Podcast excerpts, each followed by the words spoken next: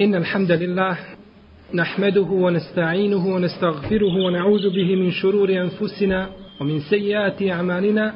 من يهده الله فهو المهتدي ومن يضلل فأولئك هم الخاسرون. وأشهد أن لا إله إلا الله وحده لا شريك له. وأشهد أن محمدا عبده ونبيه ورسوله وصفيه من خلقه وخليله. أدى الأمانة وبلغ الرسالة ونصح الأمة وكشف الله تعالى به الغمة وجاهد في الله حق جهاده حتى يتاه اليقين. يا أيها الذين آمنوا اتقوا الله حق تقاته ولا تموتن إلا وأنتم مسلمون. يا أيها الناس اتقوا ربكم الذي خلقكم من نفس واحدة وخلق منها زوجها وبث منهما رجالا كثيرا ونساء واتقوا الله الذي تساءلون به والأرحام إن الله كان عليكم رقيبا. يا أيها الذين آمنوا اتقوا الله وقولوا قولا سديدا. يصلح لكم أعمالكم ويغفر لكم ذنوبكم. ومن يطع الله ورسوله فقد فاز فوزا عظيما. أما بعد فإن أحسن الكلام كلام الله وخير الهدي هدي محمد صلى الله عليه وسلم وشر الأمور محدثاتها وكل محدثة بدعة وكل بدعة ضلالة وكل ضلالة في النار.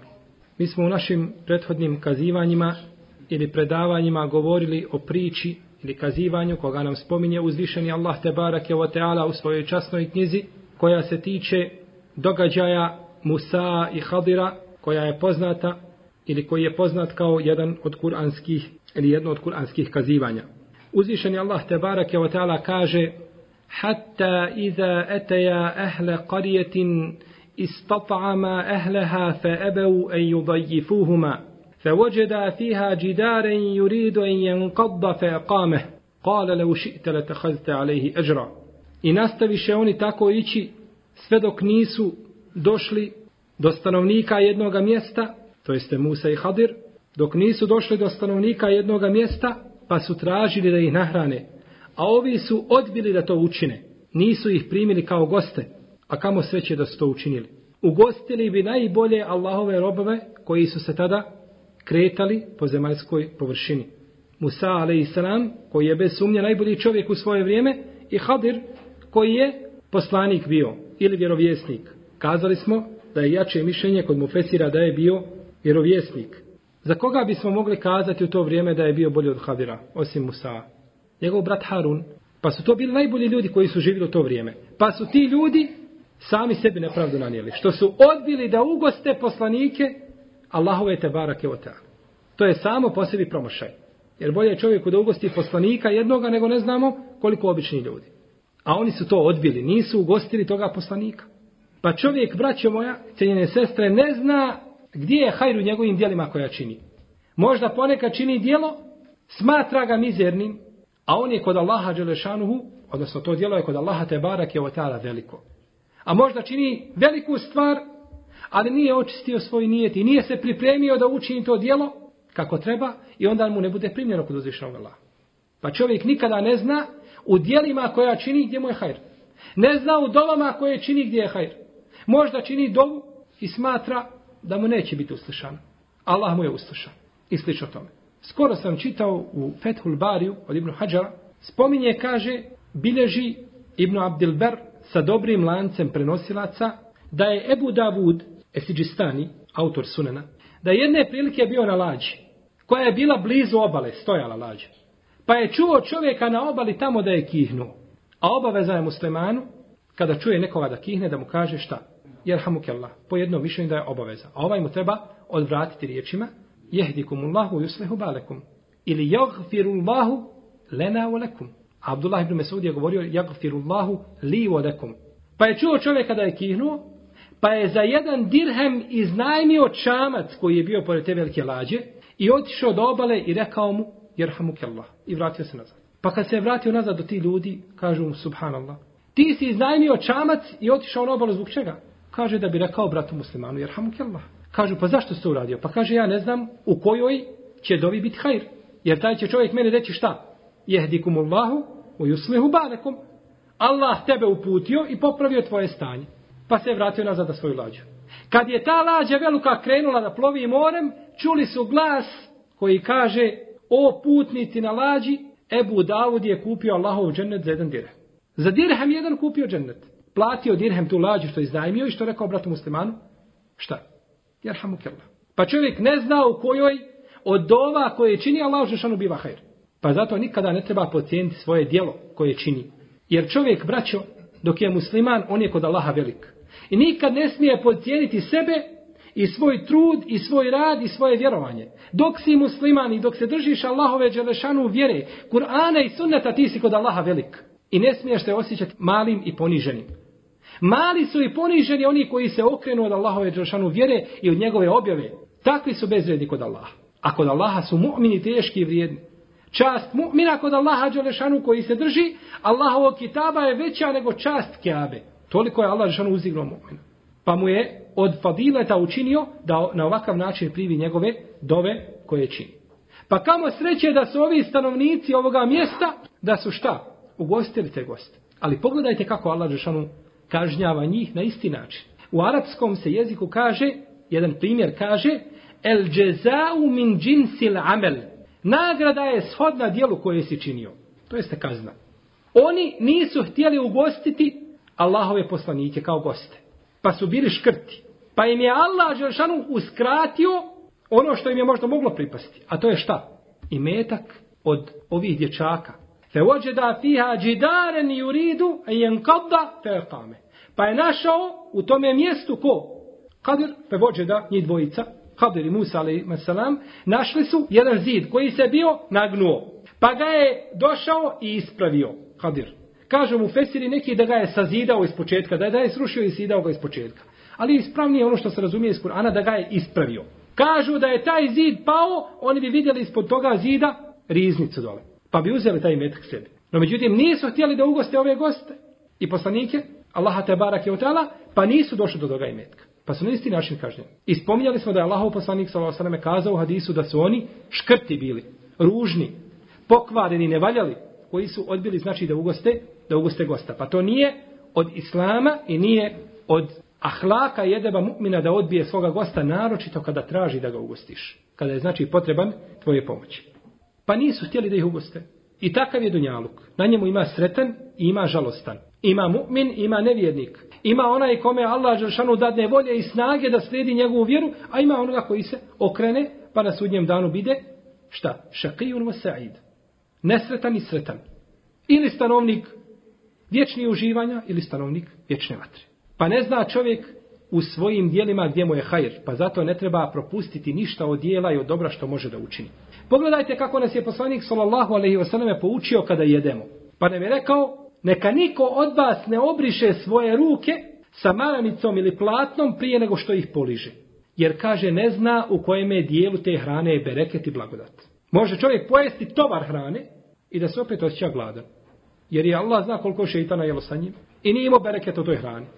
No međutim, možda je na toj, na tom dijeliću hrane, ili tim ostacima hrane koji su ostali na prstima, možda je u tome bereket. Veći nego u svemu onome što spojao. Pa kaže, nemojte brisati to prije što se poližu prsti. A u drugoj predaji, ili prije nego što vam ih neko poliže. Isto tako što se tiče posude iz koje se jede, i sahana. Naredio je poslanik Salosanem da se to dobro potere i da se ništa ne ostavlja, jer kaže ne znate u kojem je dijelu vaše hrane bereket. Tako je po pitanju dove, tako je po pitanju svih dijela koja čovjek čini. Ne zna gdje mu je uzvišeni Allah te barak je otara učinio, znači bereket u njegovim dijelima. Kale le ušite le tehazite alejhi ežra. Kaže Musa a.s. Hadiru, ne mogavši da se strpi, i to je ono što je poslanik sallallahu alejhi ve rekao, kamo sreće da se je strpio Musa a.s. da nam pokaže Hadir i svojih riznica, čuda i čudesa. Pa kaže, le ušite le tehazite alejhi ežra. Da si htio, mogo si nagradu uzeti za to što si uradio. Oni su nas odbili kao goste, a ti im nakon toga činiš dobročinstvo. Mogao si naplatiti taj hajr koji si učinio. Pa mu kaže Hadir, alaihissalam, hada firaku bejni o bejnik. E ovdje se završava priča nas dvojice. Ovdje se ti i ja rastajemo. Ne može dalje. Ti si mi obećao dva puta da nećeš me pitati, no međutim, učinio je stoj treći put i sada se završava znači, naše putovanje se unebiju kebite uili malem testati alejhi sabra. Ja ću te obavijestiti o onome malem testati alejhi sabra o onome u čemu se ti nisi mogao strpiti. Sad ćeš da znaš zbog čega sam to činio. Pa mu kaže Hadir, alaihissalam, Emme sefinetu fekanet li mesakine ja'melune fil bahar. Što se tiče one lađe koju sam probio prvi put kada smo se vozili u njoj, fekanet li mesakine ja'melune fil bahar. Pripadala je siromasima koji su radili na moru. Fa'radtu en e'ibeha ja sam je htio tako oštetiti. Wa kana ملك malikun ya'khudhu سفينة safinatin qasba. A iza njih je bio kralj nepravednik koji je uzimao nasilno svaku lađu. Pa je ovdje Hadir alejselam pojasnio Musau zbog čega je probio tu lađu. Zbog čega je oštetio tu lađu. Neki islamski učenjaci ovim ajetom dokazuju da postoji razlika između fakira i miskina, što mi kažemo fukare, to je množina, fukara je množina od riječi fakir, pa da postoji razlika između jednog i drugog termina. Pa kažu, miskin je čovjek koji ima, ali nema dovoljno. Miskin je čovjek koji ima nešto od imetka, ali nema dovoljno. A fakir je onaj koji nema ništa. Ne posjeduje ni u lijevoj ni u desnoj. Dok miskin ima nešto, ali mu nije dovoljno. Pa ovdje Allah Đelšanu kaže za ove ljude, Emme sefinetu fekjanet li mesakin, što se tiče lađe, pripadala je kome? Siromasima. Allah Đelšanu nam potvrđuje da oni imaju lađu i opet i naziva kako? Siromasima. Ne samo to. Ja'melune fil bahr i rade na moru, imaju posao, imaju radno mjesto i opet su šta? Siromasi. Znači imaju svoju lađu, imaju firmu svoju i rade na moru, imaju radno mjesto, ali su opet siromasi. Pa čovjek može biti raditi i zarađivati, a da opet da je potreban zekijat. Da je potreban zekijata. Jer to što zarađuje nije mu šta? Dovoljno. Pa je ovdje nazvao Allah te barak je ove ljude miskinima. Nazvao ih je miskinima. Kažu mu Fesiri da su bili deseterica braće koji su nasledili tu lađu od svoga babe. Da im je babo ostavio njehov tu lađu, pa su radili zajednički na toj lađi. Neki kažu da su bili sedmerica, u svakom slučaju nemamo o tome pouzdanih argumenata. Fa'radtu an a'ibaha. Pa sam je htio oštetiti namjerno. Ja sam to htio da učinim. Zašto? Wa kana wara'ahum malikun iza njih je bio jedan kralj jehudu kulle sefinetin gaspa koji je nasilno otimao od ljudi njihove lađe. Učio je Ibn Abbas i Sa'id Ibn Đubeir ovaj ajet jehudu kulle sefinetin sahihatin gaspa koji je uzimao svaku ispravnu lađu nasilno. A po drugom krajetu od Ibn Abbasa i Osmana Ibn Affana radijallahu anhum jehudu kulle sefinetin salihatin gaspa. Isto je značenje. Uzimali su ili taj kralj je uzimao svaku ispravnu lađu. No međutim, ovo učenje nije od sedam mutevatir kirajeta. Ovo učenje koje smo naveli ne pripada onim mutevatir kirajetima, već se ovo smatra tefsirom kod islamskih učenjaka. Pa je taj kralj uzimao svaku ispravnu lađu koju bi vidio, on bi je oteo od ljudi. Kaže se da mu je bilo ime Huded ibn Buded, taj kralj. Allah najbolje zna da to nije spomenuto u vjerodostanim hadisima, nego su to mišljenja islamskih učenjaka, vraćajući se znači na siru probiti lađu, ono što je učinio Hadir, je munker, je tako zlo? To je zlo. Probiti lađu i oštetiti imetak muslimana ili ga uzeti je zlo. No međutim, ako to probijanje lađe ili uzimanje imetka muslimana dovodi do toga da se spasi drugi dio imetka muslimana ili da se time otkloni veće zlo, onda je to šta? Dozvoljeno. Poslanik sallallahu alejhi ve sellem nam je pojasnio u hadisu koga bilježi ima Muslim ima Ahmed pa kaže on je oštetio njihovu lađu pa će kaže doći taj kralj pa će vidjeti tu lađu da je oštećena kaže pa će je ostaviti pa će oni kaže ponovo sa jednim komadom drveta ili komadom daske popraviti svoju lađu i kaže nastavi se dalje služiti sa lađom. Pa nam je dao hikmet i mudrost zbog čega je znači to oštećeno. Čovjek stoji na ulici u mrkloj noći i vidi lopove kako prilaze jednom autu, hoće da ga ukradu. Ne može ispriječiti. Nema tu vlasnika, ne smije progovoriti ništa, inače će i on, ovaj, bit će ugrožena njegova sigurnost i njegov život. I uzme, probije gumu tome autu. Da je ne može, lopov, šta? Ne mogu odvesti auto. Jer on učinio zlo, munker. Jest, to je munker da čovjek izloje, da čovjek ošteti imetak muslimana. No međutim, on je oštetio jedan dio imetka. Da bi spasio šta? Veći dio. Pa je onda učinio dobro djelo. Pa ponekad čovjek znači činjenjem lošeg dijela može imati nagradu. Da bi time spriječio da se učini veće zlo. I to je pravilo koga su postavili islamski učenjaci kada kažu između dva zla se bira uvijek šta? Manje zlo. Ovdje čovjek ima zlo da pusti ljude da odvezu auto i da ga ukradu ili da učini manje zlo pa da mu probuši gum. Pa kad izabere manje zlo, onda šerijatski nije odgovoran, već može biti nagrađen. Znači kada nema izbora.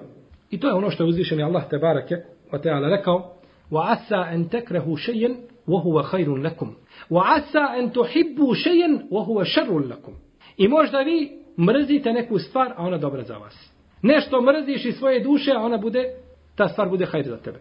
A možda nešto voliš, a to bude loše po tebe. Wallahu ja'lamu wa entum la ta'lamun. Allah zna, a vi ne znate. Allah zna znači šta je dobro za vas i u čemu je hajr. Pa je znači postupak ili ovo dijelo koje je učinio Hadir, ne kosi se znači niti sa našim šerijatom, niti se kosilo sa šerijatom koga je mu. Jer je time spriječio uzimanje i metka muslima. Pa je ovim Musa, ali i selam, shvatio mudrost zbog čega je Hadir a.s. provušio lađu ljudi koji su ih povezli besplatno. Poznali ga i povezli ga besplatno, pa je znači shvatio mudrost onoga što je učinio Hadar.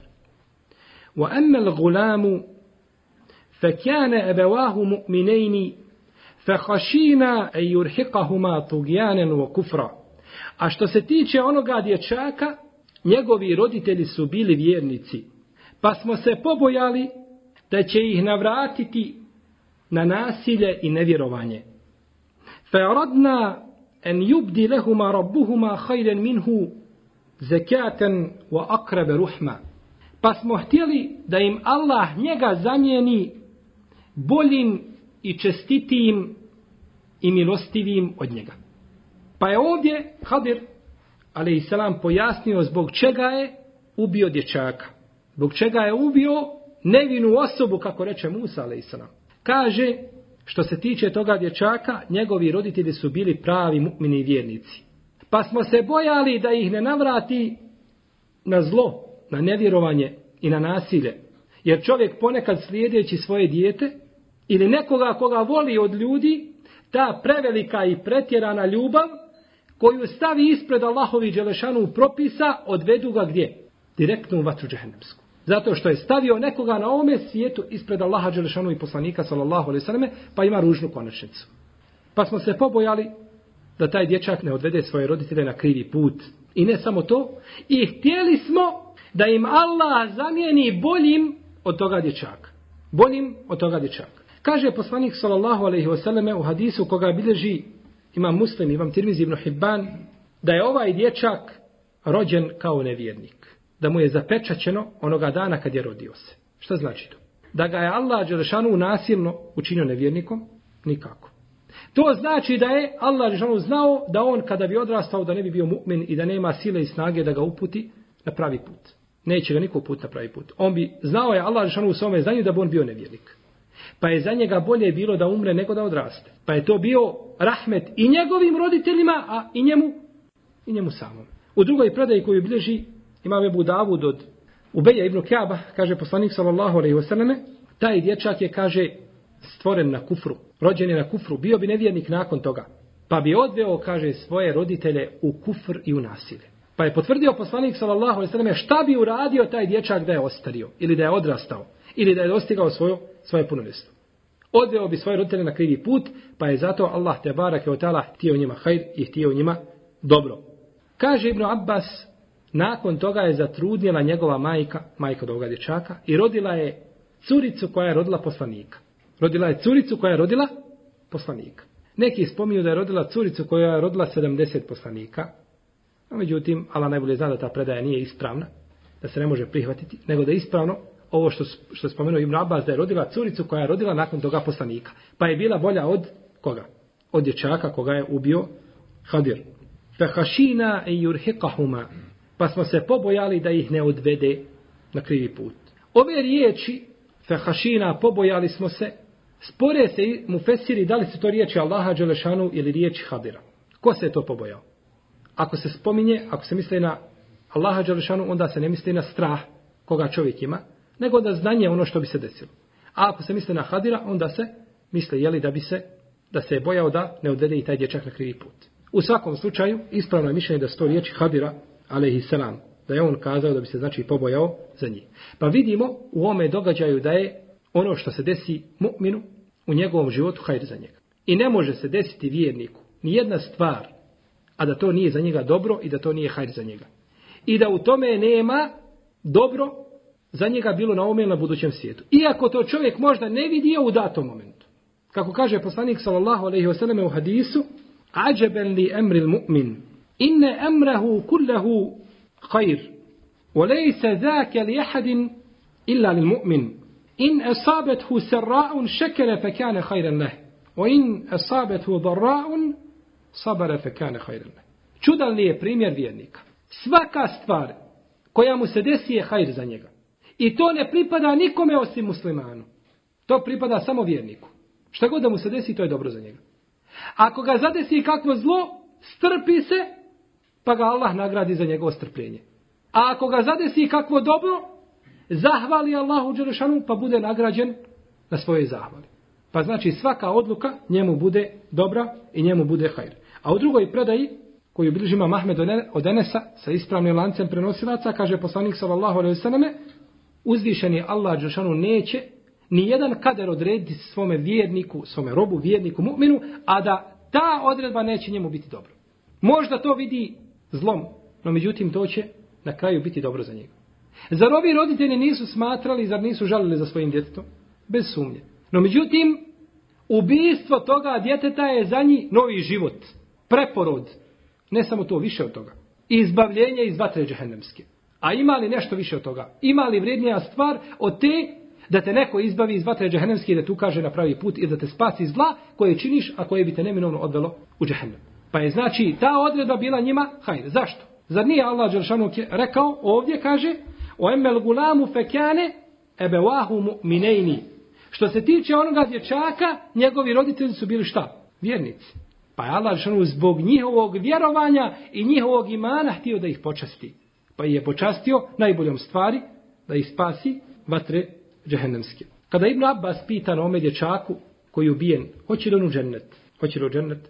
Kazao je, zbog čega me kaže pitaš to? Kazao je čovjek koji ga je pitao, zbog čega me kaže to pitaš? Dovoljno ti je kaže što su se oko njega sporili Musa i Hadir.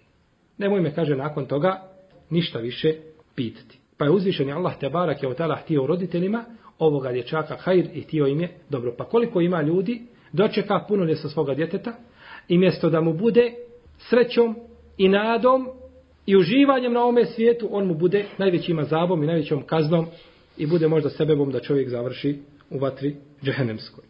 Pa je ovim Hadir, ali i sram, pojasnio Musau hikmet i mudrost zbog čega je ubio nevino dijete. I to je bila jedna od najtežih stvari po ljudskim mjerilima koji je učinio jeli, Hadir u ome slučaju. Wa emel džidaru fekjane li gulamejni jetimejni fil medine. A što se tiče onoga zida, on je pripadao dvojici dječaka koji su živjeli u jednom gradu. Wa kjane tahtehu kenzul lehuma A ispog toga zida je bila jedna riznica. وَكَانَ يَبُوهُمَا صَالِحًا A njihov otac je bio dobar čovjek. فَرَادَ رَبُّكَ أَنْ يَبْلُغَا يَشُدَّهُمَا وَيَسْتَخْرِجَا كَنْزَهُمَا رَحْمَةً مِنْ رَبِّكَ وَمَا فَعَلْتُهُ عَنْ أَمْرِي Zalike te'wilu malem testi alejhi sabra. Njihov otac je bio dobar čovjek, pa je tvoj gospodar htio da oni dostignu svoje punoljetstvo i da izvade tu riznicu i to je milost tvoga gospodara. A ja to nisam učinio sam od sebe. To ti je objašnjenje za ono zašta nisi imao sabra. Pa je ovim završen završeno putovanje ili događaj ili priča između Musa i Hadira. Ligula mejni, dvojici dječaka. Dvojici dječaka koji su bili maloljetni. I to se zaključuje iz konteksta ajeta da su bili maloljetni, da su bili jeli jetimi. U našem se šerijatu kaže, kako došlo u hadisu koga bliže Ebu Davud od Ali radijallahu anhu, la jutme bade ihtilam. Nema jetimstva i nema siročeta nakon čega? Nakon punoljetstva. Kada čovjek napuni punoljetstvo, nema više jetima. I jetim je u šerijatu čovjek koji ostane bez oca. To je ispravno mišljenje, da je čovjek koji ostane bez oca. A kod životinja se za jetima kaže ko ostane, ili životinja koja ostane bez majke. To je jetim kod životinja. A kod ljudi je jetim čovjek koji nema oca do svoga punoljestva. Kada napuni svoje punoljestvo, nakon toga više se ne smatra i ne tretira se više jetimom. Okjane tahtehu kenzun lehuma, a ispod tog zida je bila riznica. Islamski učenjaci se spore kakva je to riznica bila. Jedni kažu da je to bila riznica i metak, pare, ili zlato. I to je ono što se zaključuje, jer kad se kaže kenz u arapskom jeziku riznica, misli se prvenstveno na pare ili na zlato. Drugi kažu da su to bili listovi na kojima je bilo znanje. Pogledajte, subhanallah. Ulema kažu, to nisu bile pare, to su bili listovi na kojima je bilo ispisato znanje koje je trebalo učiti. A znanje je u svakom slučaju vrijednije od imetka. Neki kažu da je to bila jedna zlatna ploča velika na kojoj je pisalo Bismillahirrahmanirrahim. Bileži imam Elali Kjaji u svome dijelu šerhu usuli i atikadi ehle sunnete ul džema u četvrtom tomu na 753. stranici od Hasana al Basrija da je rekao u komentaru وَكَانَ تَحْتَهُ كَنْزُ لَهُمَا a ispod tog zida je bila riznica od tih dječaka, riznica koju im je ostavio njihov otac. Rekao je, to je bila, kaže, jedna zlatna ploča na kojoj je pisalo, čudim se onome ko vjeruje u kader, kako se može žalostiti. I čudim se onome ko vjeruje u smrt, kako se može radovati. I čudim se onome ko poznaje prirodu Dunjaluka i kako zavodi ljude, kako može se smiriti u Dunjaluku i kako mu Dunjaluk može biti drag. La ilaha illa Allah Muhammedur Rasulullah. Nema Boga osim Allaha i Muhammed je Allahov poslanik. Tako kaže Hasan el Basri da je pisano na toj ploči. Allahu ta'ala alem, ako je to došlo od Israilijata, onda mi to niti poričemo, niti vjerujemo u to, nego ostavljamo da postoji mogućnost da je to bilo, jer koliko znamo da nema ništa u našem šarijetu što ukazuje na ispravnost jeli, ovoga mišljenja ili stvari koje su pisane na ovim pločama. Okjane je buhuma saliha i njihov otac je bio dobar čovjek. Kaže Ibn Abbas, subhanallah. Allah je Đelešanu, kaže, spomenuo da je on bio, da su roditelji, stvari, njihovi su roditelji bili dobri ljudi, i kaže, spominje dobrotu njihovih roditelja, a nije, kaže, spomenuo njihovu dobrotu. Nego samo dobrotu roditelja. Pa je sačuvao njih zbog dobrote njihovih roditelja. Kao što je činio Sa'id ibn Musayyib. Klanjao bi dugo u namazu, pa bi mu njegov sin rekao, kaže, babo, zbog čega tako dugo klanjaš? A on je imam tabina u čemu? Sa'id ibn Musayyib. Čemu je imam tabina? U klanjanju namaza u džematu. 40 godina, kaže, klanjao sam namaz u džematu i nije promašio prvi saf. Uvijek u džematu. 40 godina. Pa je klanjao dugo namaz, pa mi mu njegov sin kazao, zbog čega babo tako dugo klanjaš? Kaže, sine moj, ja ovo, kaže, klanjam ne bijel, Allah tebe sačuvao zbog mog namaza. Pa je onda proučio ovaj ajet. Okeane, ebuhuma buhuma saliha. I njihov otac je bio dobar čovjek. Kaže se da je to bio, mi smo spominjali roditelj. Ne, ovdje su hadis spominju, spominja otac. Okeane, je buhuma saliha. I njegov otac je bio dobar čovjek. Kažu neki mu fesiri da je to bio otac, odnosno djed njihov sedmo koljeno. Drugi kažu da je bio djed deseto koljeno. No međutim, ispravno je I to se razumije iz konteksta ajta da je to bio njihov otac pravi, znači najbliži njima, je li otac ili njihov babo. Ovdje Hadir, ali i sram, kada je spominjao stvari koje je činio, prvi put je rekao fe'radtu enaibaha, pa sam htio da je oštetim. Ja. Drugi put kada je ubio dječaka, rekao je fe'radna, htjeli smo mi i opet je mislio sebe. Ali treći put kada je ispravio ovaj zid, rekao je fe'rade rabbuke, htio je tvoj gospodar. Pogledajte kako je imao edeb sa Allahom Đelešanu. Prvi put kada je probušio lađu, i to je dijelo po svojoj spoljašnosti šta? Ružno. Nije kazao htio je Allah, nego kaže ja sam htio. A znamo da čovjek ništa ne može bez Allahove Đelešanu volje. Ali kaže ja sam htio, pa je to djelo pripisao kome? Sebi. Drugi put kaže opet, feradna i mi smo htjeli opet, jer u arapskom jeziku se čovjek može, može čovjek sam sebe persirati. Može za sebe da kaže mi. I opet sebi ka. Ali treći put kada je ispravio zid da bi sačuvao te jetime, to je dobro djelo. I drugo je djelo vaše, da ubije dijete ili da probije lađu. Pa je te dvije stvari pripisao sam sebi. Ali treći put kada je učinio dobro djelo da ispravi zid, šta kaže? Htio je tvoj gospodar. Pa je to dobro djelo pripisao Allahu te barek tela, a ona ružna djela pripisao sebi. Kao što kaže uzvišeni Allah te barek je o tala, navodeći riječi Ibrahima alaihissalam, وَالَّذِي خَلَقَنِي فَهُوَ يَهْدِينَ onaj koji me je stvorio i on će me uputiti. Wallazi huwa yut'imuni wa yasqin. I onaj koji me hrani i koji me poji. Wa idha maridtu fa huwa yashfin. A kaže kada se razbolim, on me liječi. Nije kazao kada me moj gospodar razboli. Ili kad dadne Allah da se ja razbolim, ne kaže, a kada se razbolim, ko? On me liječi. Allah te barek Pa pogledajte, kada kaže u prvom slučaju, koji me stvorio i koji će me uputiti, to je lijepa stvar. I koji me poji i koji me hrani, to je lijepa stvar. Ali kada se čovjek razboli, to već nije lijepo. Pa je rekao, a kada se razbolim sam, nije rekao kada me Allah razboli kada učini da budem bolestan.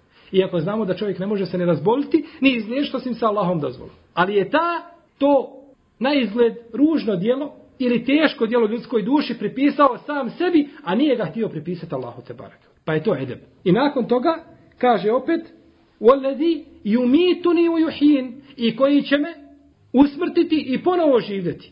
وَالَّذِي أَطْمَوْ أَنْ يَغْفِرَ لِي خَطِيَتِ يَوْمَ الدِّينِ رَبِّ هَبْ لِي حُكْمًا وَالْحِكْنِ بِصَالِحِينَ I koji nadam se da će mi oprostiti moje grijehe koje sam počinio. Pa je sva dobra djela pripisao Allahu Đešanu, ali samo jedno, a to je bolest je pripisao samome sebi. Oma fe'altuhu anemri. I ja to nisam učinio sam od sebe. Odnosno nisam to učinio po svome nahođenju i po svome mišljenju i po svojim prohtevima. Pa je ovo najjači argument koji ukazuje da je ovaj čovjek, El Hadir, alaihissalam, bio vjerovjesnik. Da je bio vjerovjesnik, da je on dobivao objavu i da to nije znači radio sam po sebi. Zalike te uiru malem testi alejhi sabra. To je tebi o Musa objašnjenje onome zbog čega nisi imao sabra i zbog čega se nisi mogao strpiti. Pa je tu prekinut put ili prekinut okazivanje između Hadira i Musa alaihimassalam.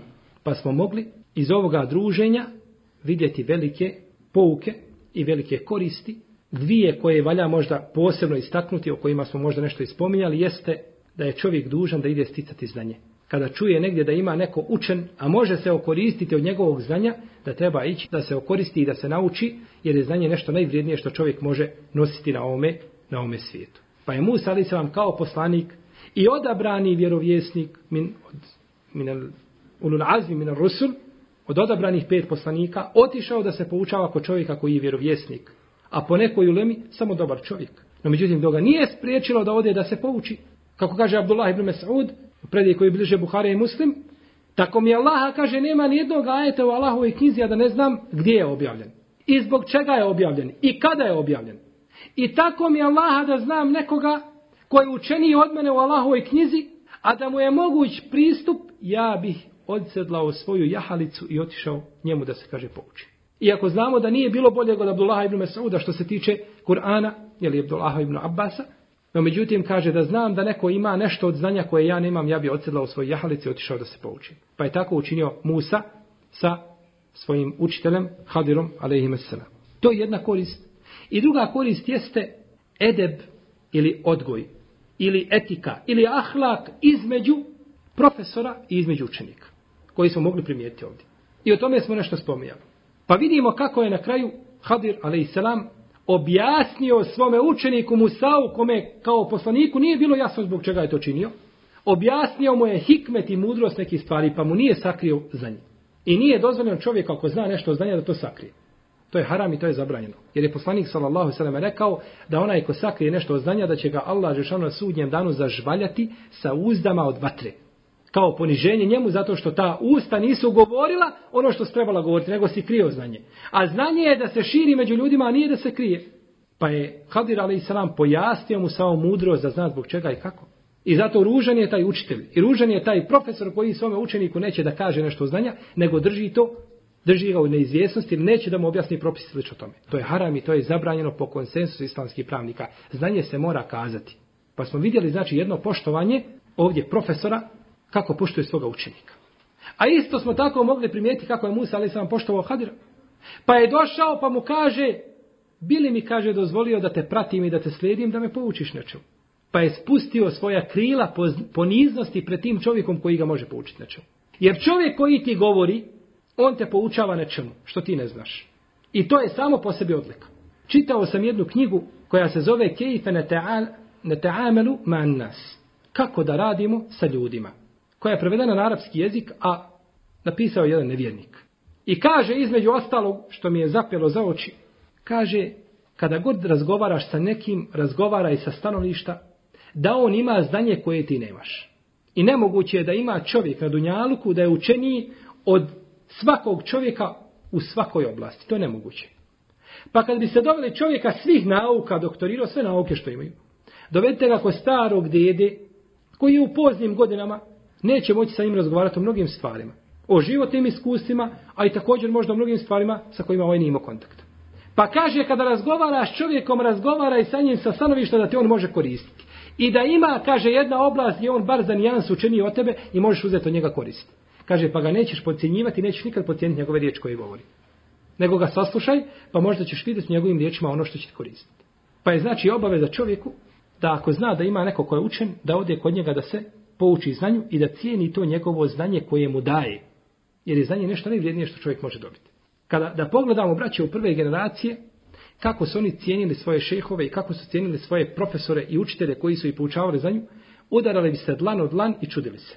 I o tome imaju posebna dijela napisana. Ibn Abdulber ima svoje dijelo koje je štampano na hiljadu stranica danas. Koje zove Džamiju Bejanil ilmi o fadlihi. Sve se govori, sve se sasipa u taj kalup. Kako su ljudi sticali znanje, kakav je bio njihov edeb i etika u sticanju znanja. Kaže Rabija ibn Suleiman, najbliži učenik imama Šafije. Wallahi, nikada se kaže nisam napio vode da mi ima Šafija gleda. Kaže iz poštovanja prema njemu. Nikada nisam se napio vode, a da on mene gleda kako ja pijem vodu, poštujući, kaže, svoga učitelja.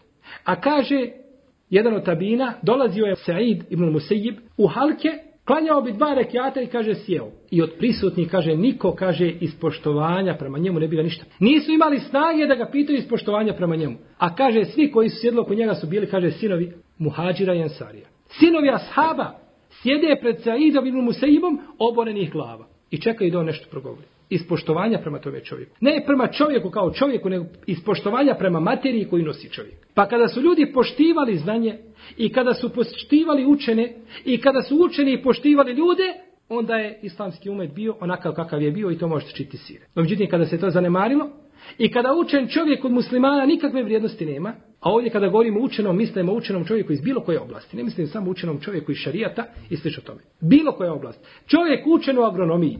Čovjek učen u pčelarstvu. U pčelarstvu. Ti njega trebaš cijeniti zbog njegovog znanja koje nosi iz te oblasti. Jer je pčelarstvo dio poljoprivrede. I uspjeh tvoj na tome polju ovisi o tome čovjeku. Ne možeš ti dovesti ljude i izvesti na pravi put u, tom, u toj oblasti. Nego mora doći stručan čovjek. Pa ga moraš cijeniti, moraš ga poštovati. I danas vidimo na zapadu kada otkriju među muslimanima inteligentna čovjeka koji je završio neke škole ili obično koji završavaju škole vani ne vraćaju se nikako. Odma ima radno mjesto, odma ima stan, odma ima državljanstvo i nakon toga nabrajate šta hoćete, sve im daju, samo da ostaju da rade među njima. Da bi im koristili, cijenjeći u lemu. A čovjek kada dođe učen u islamsku zemlju na aerodrom, tri sahata ga drže, samo ga pitaju gdje si bio i šta si radio. Ko ti je dozvolio da ideš se poučavati znanje? Ko ti je dozvolio da budeš učen?